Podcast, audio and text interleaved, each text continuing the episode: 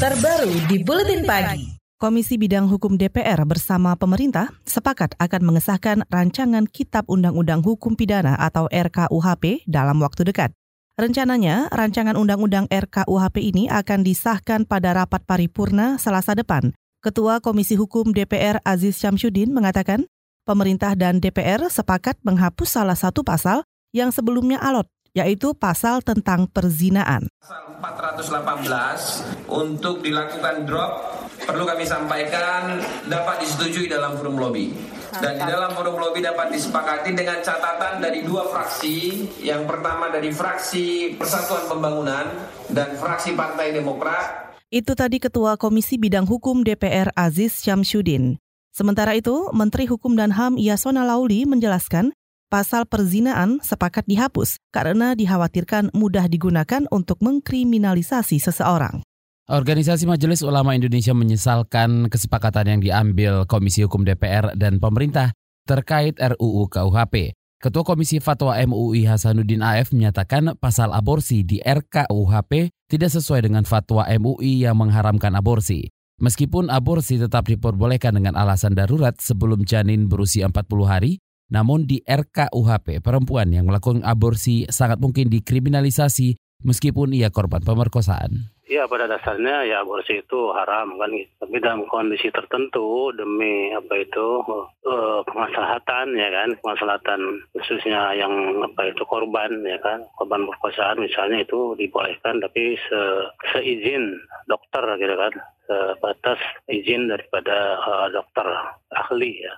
Karena yang namanya hukum Islam itu tidak ada yang pokoknya haram. Nggak ada itu hukum Islam itu. Selalu ada apa itu solusi, ada hukum alternatif, manakala ada kemaslahatan yang lebih harus diunggulkan. Ketua Komisi Fatwa MUI Hasanuddin AF meminta DPR dan pemerintah tidak tergesa-gesa mengesahkan RUU KUHP pada paripurna pekan depan. Ia menilai banyak pasal di RUU KUHP yang bertentangan dengan hukum syariat Islam. Sedikitnya ada 10 pasal bermasalah yang termuat dalam rancangan Kitab Undang-Undang Hukum Pidana. Di antaranya pasal kesusilaan yang dianggap mengatur hak privasi seseorang. Juga pasal perkawinan yang dinilai membuat muatan RUU KUHP jadi melebar.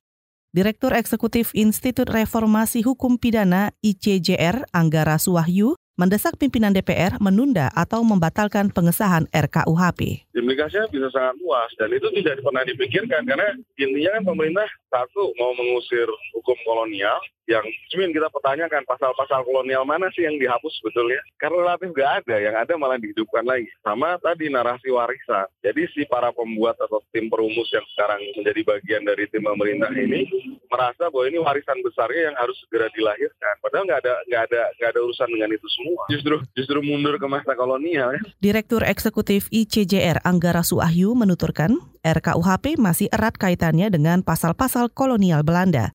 Misalnya pasal kesusilaan. Anggara menyebut RUU KUHP makin meluas dengan pencantuman pasal kohabitasi atau kumpul kebo. Dalam perkara ini, rancangan undang-undang tersebut membolehkan aparat keamanan desa menjadi pengadu kasus. Pengesahan RKUHP yang terburu-buru dikhawatirkan justru memunculkan pasal karet.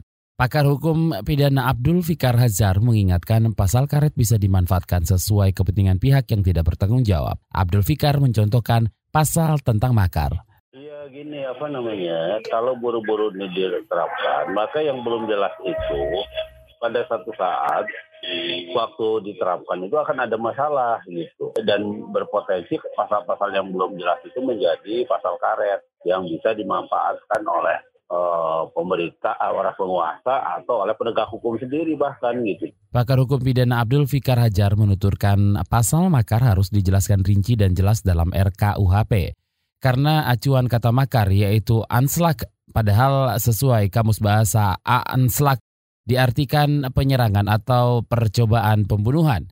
Semestinya tuduhan makar hanya bisa dikenakan pada seseorang atau sekelompok orang yang lebih dulu melakukan penyerangan atau percobaan pembunuhan terhadap kepala negara. Lembaga Bantuan Hukum LBH Pers menyoroti pasal-pasal lain di RUU KUHP yang membatasi gerak kebebasan pers.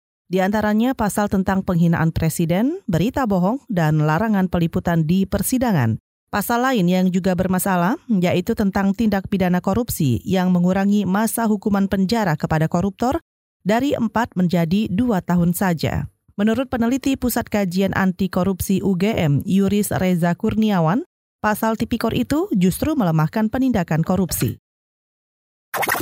KBR, inspiratif, terpercaya.